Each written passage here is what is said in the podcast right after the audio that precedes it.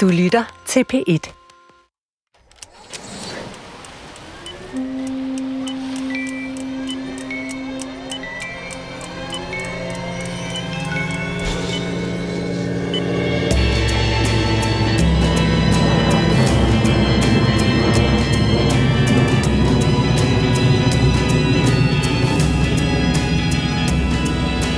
Du kender det måske. Du sidder i et fly, og stewardesserne vimser omkring dig. Det har de fleste af os jo oplevet. Men så er der en stewardess, der skiller sig ud. Hun har hele tiden en frisk bemærkning. Hun ser med det samme, at du føler dig lidt presset af spædbarnet ved siden af dig, som vræler dig ind i øret. Og inden du ser dig om, har hun fået flyttet dig til en anden plads, som det mest naturlige i denne verden. Og til sidst forlader du flyet i godt humør, og du ved, at det hele skyldes denne ene person, stewardessen som du aldrig kommer til at se igen, og som nu er ved at pakke den næste kuffert på vej mod en ny destination. Fordi det er det eneste, vi ved om stewardesser, at de altid er ved at pakke kufferten, eller at pakke den ud, når de altså ikke arbejder for os passagerer. Og der ender historien så. Du får aldrig mere at vide. Hvor kom al den energi og alt det overskud fra? Hvorfor skilte hun sig ud fra alle de andre stewardesser i denne verden? Ja, sådan er det. Altså lige bortset fra i dag i radiofortællinger, hvor vi gør det utænkelige, tager med hjem til stewardessen, hun hedder Connie, og forsøger at finde ud af, hvad der ligger ned under toppen af det varme isbjerg, vi oplevede i flyet. Lag for lag ned igennem hendes liv, alt imens hun pakker den næste kuffert. Og det er Anders Morgenstjern, der har gjort det utænkelige med mig på sidelinjen. Jeg hedder Torben Brandt. Velkommen til Radiofortællinger. God fornøjelse, når Connie pakker den næste kuffert.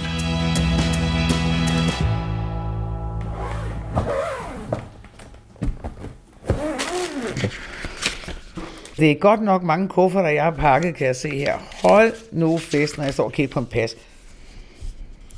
Se, der har været Ægypten. Nej, de er sgu også søde derude alle sammen. Mexico. Canada, Thailand masser af gange. Nu kommer Thailand her igen, kan du se. New Delhi. Der er lidt fra de arabiske lande, kan jeg se. Jeg har været i Dubai. Det var lige før, jeg skulle have flør på nu. Bortset hvad det er, så ser jeg jo rejset ud på det billede, kan jeg godt se.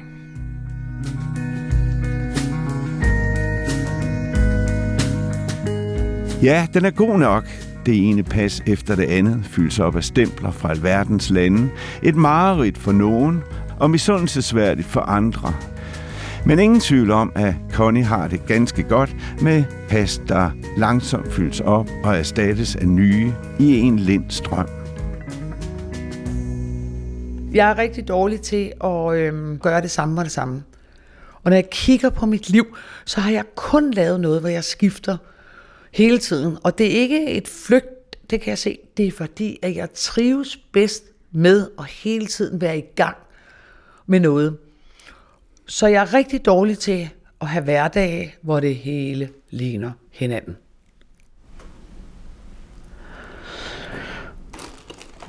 Nu skal jeg lige have flyttet perlerne ned i kufferten også jo her. Der er mine solbriller, dem er faktisk lidt længe efter. Det vil jeg have lagt dem herned. Denne her rejse med alle de ting, jeg skal til at pakke ned i min kuffert, eller kufferter, er jo en, en lidt anderledes rejse. Øh, jeg skal ned og hjælpe en masse øh, dårlige børn ned i Nicaragua. Og hvad skete der så lige her? Connie skal ned og hjælpe børn i Nicaragua, som om det ikke var nok, at hun konstant flyver verden rundt, når hun er på arbejde. Men det vender vi tilbage til lidt senere. Tilbage til spørgsmålet. Hvorfor er Connie den, hun er? Hvad og hvor kom energien fra? Hvorfor skilte hun sig ud der i flyet? Lad os gå 35-40 år tilbage i Connies liv, dengang hun var midt i 20'erne.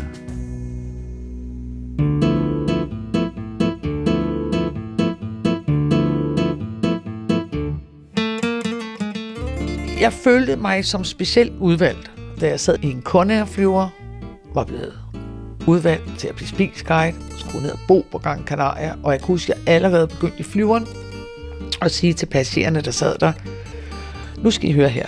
Når I lander på Gran Canaria, så skal I altså lige vide, at der drejer man ud en time tilbage. og jeg skal ned og være guide. Og jeg kan huske, at flyveren lander, der er jeg 100% sikker på, at jeg bliver hentet med flag og banner og... Altså, jeg er jo trukket ud nede på spisgården. Fuldstændig specielt. Og jeg kommer ud sammen med gæsterne, og jeg smiler og kan se guiderne i deres uniformer. Og hej, jeg begynder allerede at vinke til dem og tænker, der står de jo kun for at vente på mig. Og da jeg sådan kommer hen og siger, hej, her er jeg. Så kigger ham guiden på mig, og så siger han, ja, øh, hvem er du? Så, det, det, det er mig, så siger jeg så, jeg hedder Conny Svendsen, og jeg, skal, jeg er jo guide. Skal du være guide hernede? Ja, siger jeg så. Altså, jeg har da pakket min kuffert, og jeg skal da, og jeg, jeg øh, har 400 på spiseskolen, jeg blev udvalgt, og du står ikke på min papir. Kan du ikke lige sætte over min på bænken, til vi er færdige?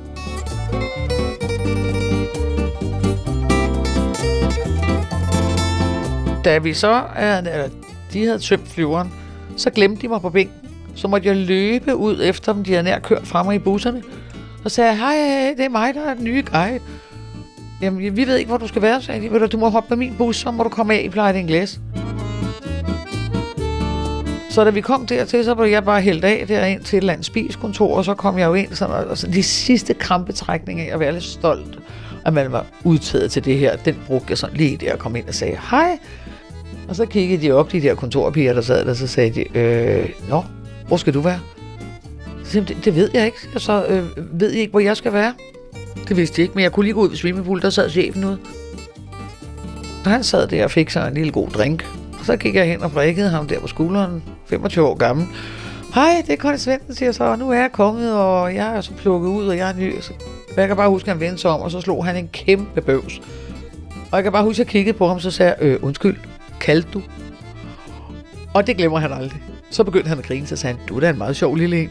Så sagde han, hvem er du? Prøvede så igen, jeg hedder Conny Svendsen, jeg er kommet ned med en flyver, jeg skal være guide. Så sagde han, ved du hvad, jeg tror, du skal være i Puerto Rico, så du kan sidde og vente på postbilen. Den kommer om et par timer.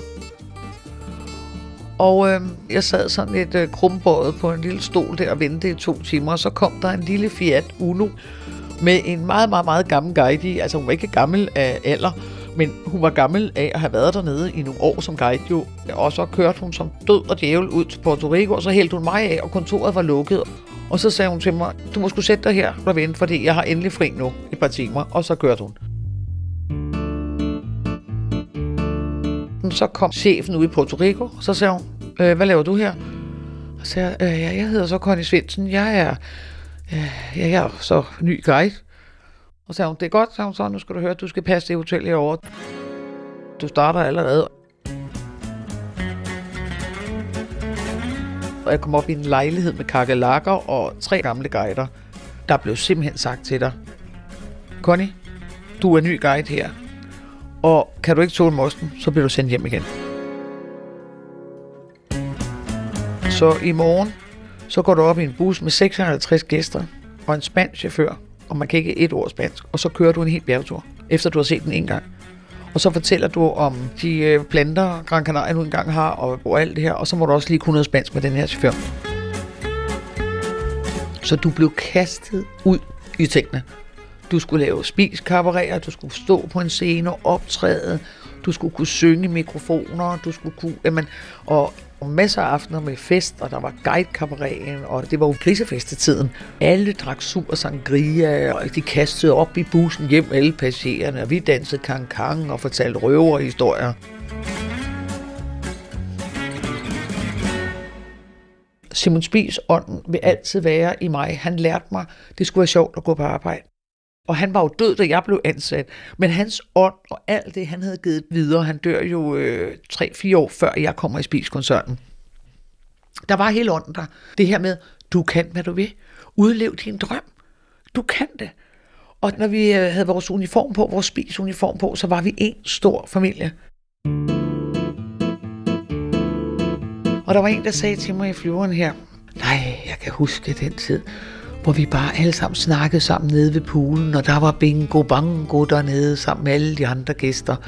Nu sidder vi bare på hver vores altan og nyder et lille glas hvidvin, inden vi går ud hver for sig parvis og spiser nede på restauranterne. Nej, hvor vi savner det liv, der var dengang, hvor vi var sammen med alle mulige andre mennesker, vi kunne lære at kende.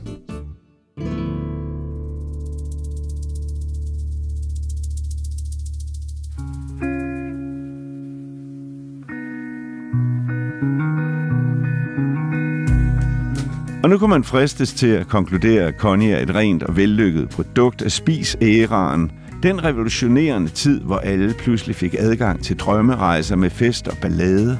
Men altså også en revolution for de rejseledere, der fra at være tørre servicemedarbejdere, der blot skulle holde styr på logistikken, nu skulle spille en rolle, som var mere showbusiness end service. At det var spiskulturen, der formede hende og gjorde hende til den helt særlige stewardess, hun er i dag.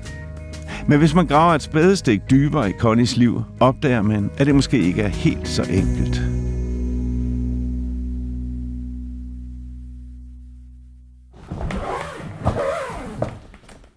Det her, altså der er jo, øh, prøv at høre, det er jo sådan noget, man spiller tennis med, og der er noget sippetog her.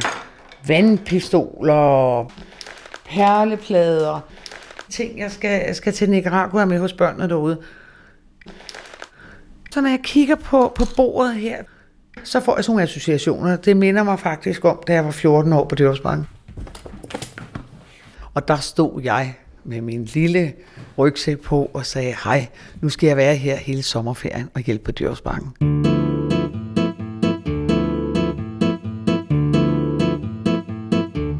På stod du op, og så begyndte du at gøre alt i orden, at gøre rent i boderne. Det var isbod det her, og der var bueskydning, der var boldskydning, der var tombola, og der var pileskydning.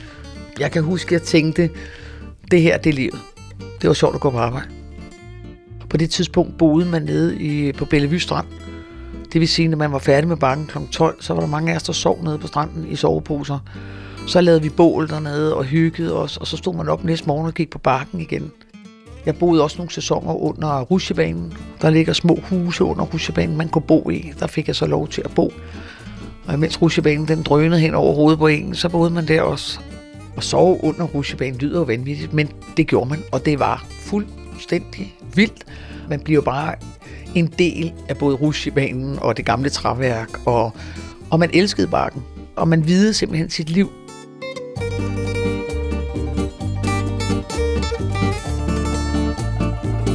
det er jo øh, øh, kan man sige, en arbejdsplads, hvor man leger. Og jeg kan da også huske en gang, da jeg stod i båden, og så kom der nogle unge fyre, og de havde fået lidt at drikke, og, og så skulle jeg tage nogle pile ud fra dartskiven. Og så var der en af dem, der syntes, det var rigtig morsomt lige at tage en pil, og så prøve at se, om han kunne ramme min ene røvbælle. Og det gjorde han, øh, og den sad altså fast. Så der måtte jeg have noget hjælp til at få den her pil ud af enden igen.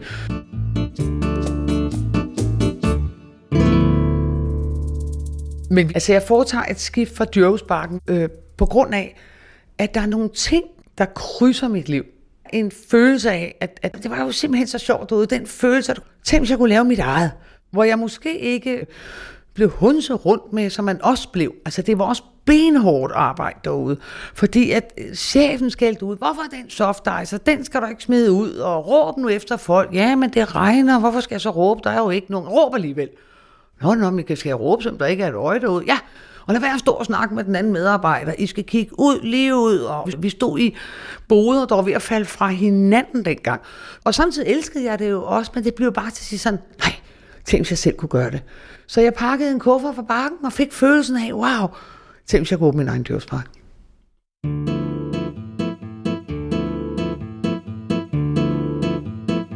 Og mine forældre sagde, prøv at høre, du skal have en uddannelse, du skal have... Men der var for meget energi der. Og jeg så det her billede af den her lille forretning. Jeg så folk gå ind i den.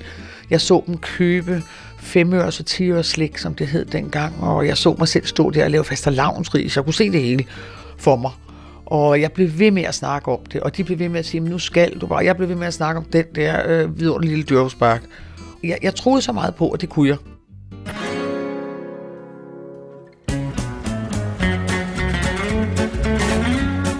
Så øh, da jeg var 18 år, kunne de jo ikke bestemme. Så lige før 18 år der, så sagde jeg til dem, jeg gør det. Vi fandt et lille lokale ude på Øresundsvej på Amager.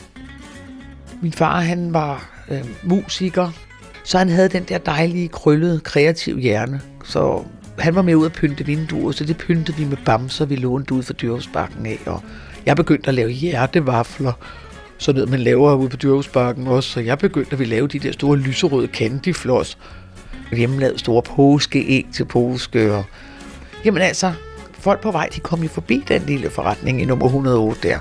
Så den begyndte bare stille og roligt at gå rigtig godt. Jeg begyndte at få de ansatte. Hele det billede, jeg skabte inde i mig, det blev sådan.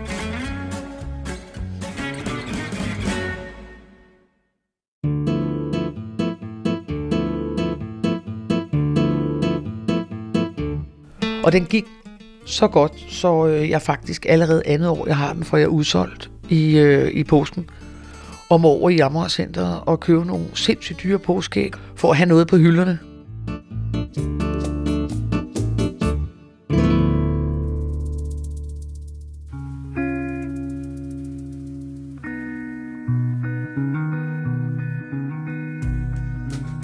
Ja, hvad er det, man der former os menneskers livsbane?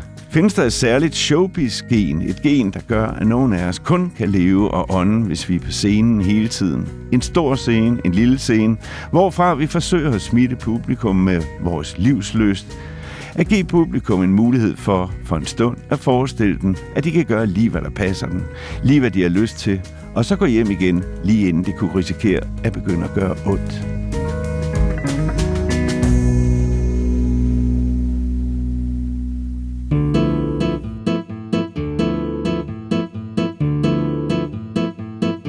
På vej ud af Amager Center, så er det, at øh, mit liv tager en drejning. Fordi der er lige pludselig en fyr, der står og råber efter mig. Og han råber efter mig på svensk. Hey, og får jeg prate med dig, og hey, du er utrolig vakker, Får jeg invitere dig på middag. Og jeg fattede ikke en meter af, hvad han sagde. Og jeg kan huske, at jeg vendte mig om og sagde, jeg forstår overhovedet ikke, hvad du siger. Jeg skal over og, og passe min lille forretning derovre. Næste dag, der øh, er der lige pludselig en, der kommer ind i forretningen med en stor buket blomster. Og det var så svenskeren. Så han var gået hele vejen ned af Øresundsvej, og så stod han der. Velklædt og lidt halvlang svenskerhår og, og meget galant. Kom en meget stor buket blomster og spurgte, hvad siger du til? Og jeg inviterer dig til Stockholm. Og jeg giver dig selvfølgelig en flybillet. På det tidspunkt havde jeg jo aldrig været ude at flyve eller noget. Så han tog mig sådan med storm, og han, jeg skulle sidde i en SAS-flyver op til Stockholm, og han skulle komme og hente mig i lufthavnen, og wow. Ja, efter en time med ham inde i forretningen, så forstod jeg flydende svensk, ikke? Jamen, jeg pakker kufferten. Jeg skal nemlig op til Stockholm, for jeg var forelsket i Henrik. Så ud i lufthavnen, og jeg havde sommerfugle i maven. Jeg havde faktisk nærmest en jetmotor inde i maven. Han stod i lufthavnen og hentede mig. Henrik havde rigtig, rigtig mange penge. Både lejligheder i Stockholm, og han havde stort hus ude i Åkersberg, vi skulle ud til at sejle båd, og svenskerne er altså ikke kedelige til at feste, så de laver jo sådan nogle crifterpartier med krabs, og så drikker du snapse. Så han var absolut ikke kedelig.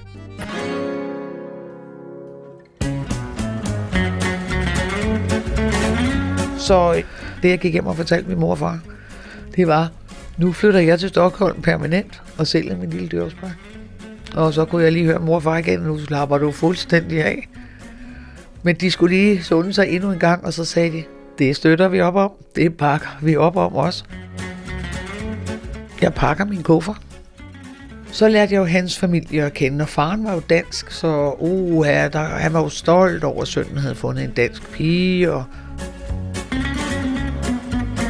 og så sad jeg jo der og tænkte, hvad skal jeg lave i Sverige? Og så begyndte jeg sådan at kigge på, hvad laver svenskerne? Hvad er svenskerne gode til, og hvad er de knap så gode til? Og de er rigtig gode til mange ting, det skal siges. Men lige det spiselige, det synes jeg ikke var så spændende op i Sverige.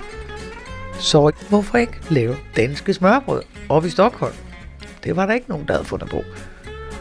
Og jeg kunne overhovedet ikke lave mad. Men det vidste svenskerne jo ikke.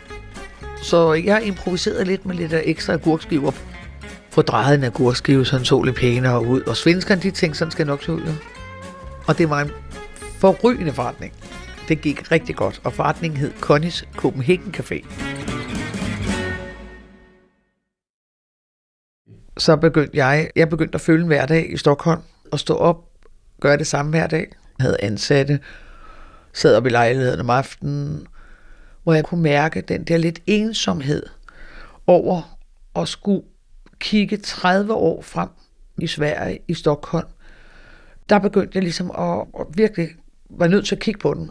Jeg begyndte at ringe mere og mere til mine venner og dele det med dem. Nu ville min dejlige kæreste gifte, så vi skulle have børn sidder op om natten, og han sover og tænker og kigger på ham og forestiller mig et familieliv, kigger på vores hjem, øh, vores lille dejlige øh, hus ude på landet, vores båd, vores lejlighed, vores alt. Ja, det hele, det var sådan en film, der bare kørte hele tiden med mig ind i som hovedperson. Der pakker jeg en rød kuffert. Jeg fik bestilt, uden han vidste, en billet til nattoget hjem. Han er igennem den dag. Han skal ud på noget forretning og ud med nogle venner, og jeg forlader ham simpelthen kan huske, at toget kører ind til Københavns Hovedbanegård. Der står to veninder, de kom ind i en gammel folkevogn, og det var totalt snevær. Og jeg kan huske, at vi bar den der kuffert ind i den her vogn og kører væk. Jeg er ked af det, jeg græder, og jeg bliver lige pludselig i tvivl. Er det rigtigt, det jeg gør? Altså, øh, jeg havde stadig følelser for Henrik, jeg havde følelser for Henriks familie, jeg havde følelser for forretningen, jeg selv havde startet op, medarbejderne, vores hjem jeg gjorde det ikke på en pæn måde. Og jeg er så taknemmelig for i dag, at han har tilgivet det. Det var ikke øh, okay, det jeg gjorde. Det kan jeg se 100% i dag. Men nej, Connie kunne ikke gå tilbage. Hendes behov for forandring og eventyr var for stort. Og det var her, hun startede i spiskolen for at komme langt væk og for at komme videre. Men alt, hvad vi har hørt nu, kunne sagtens have gået helt anderledes, hvis ikke Connie havde haft de forældre, hun havde, og som før tiden på bakken i Sverige og på Gran Canaria, greb ind i hendes liv på en måde, som der ikke blev brug for mere end denne ene gang.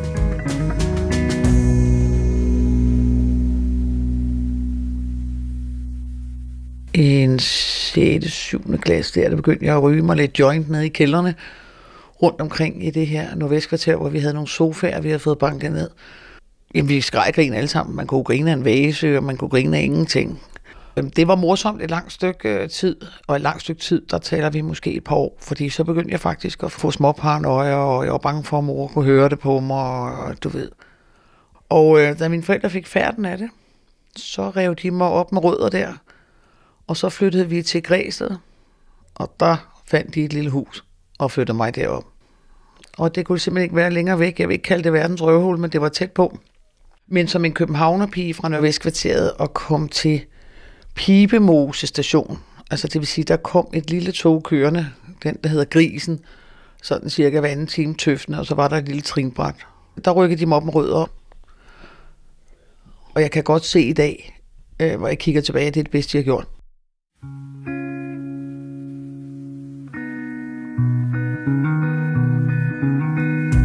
Og så tilbage til Connys forestående rejse til Nicaragua. Jo, som det er med showbiz-stjerner, store som små, så kommer der et tidspunkt, hvor man synes, at man skylder verden at hjælpe dem. At lave godgørenhedsarbejde, være ambassadør for FN, eller hvad der nu falder for.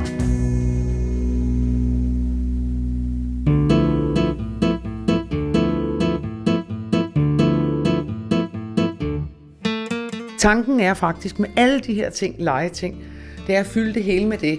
Og så må jeg skylle min truse op et eller andet sted, fordi vi lader alt blive over i Nicaragua.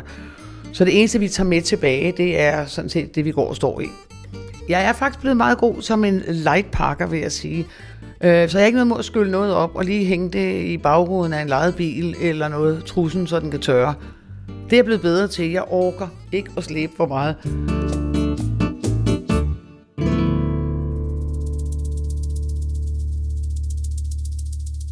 Jeg står faktisk her og tænker på alle de her mange lykkelige kufferter, jeg taler om. Men om der egentlig har været nogle kufferter, der ikke har været så sjove. Om der er en kufferter, jeg har løbet fra.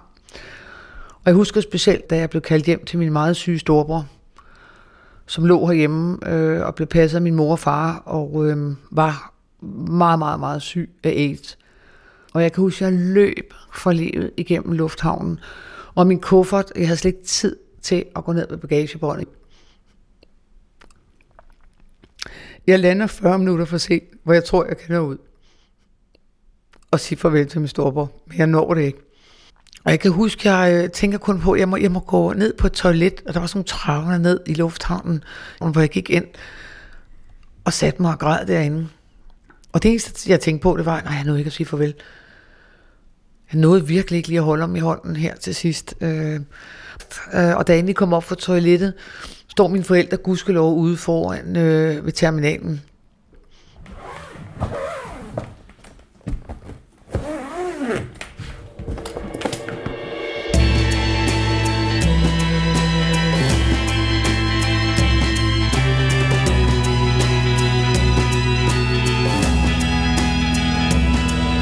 Ja, hvad der dog ikke kan komme ud af et møde med en tilfældig stewardess i et tilfældigt fly, hvis ganske lille gestus giver en færden af et stort drama.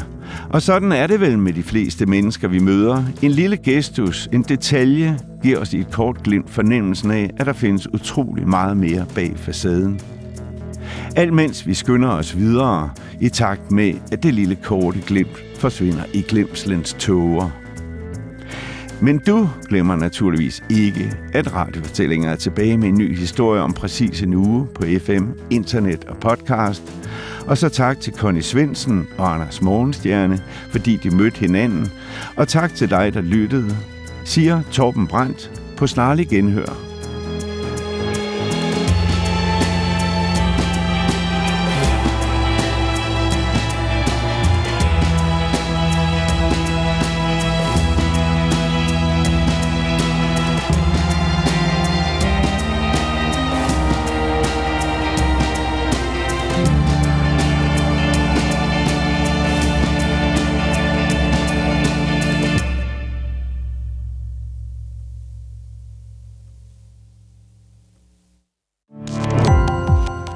Gå på opdagelse i alle DR's podcast og radioprogrammer. I appen DR Lyd.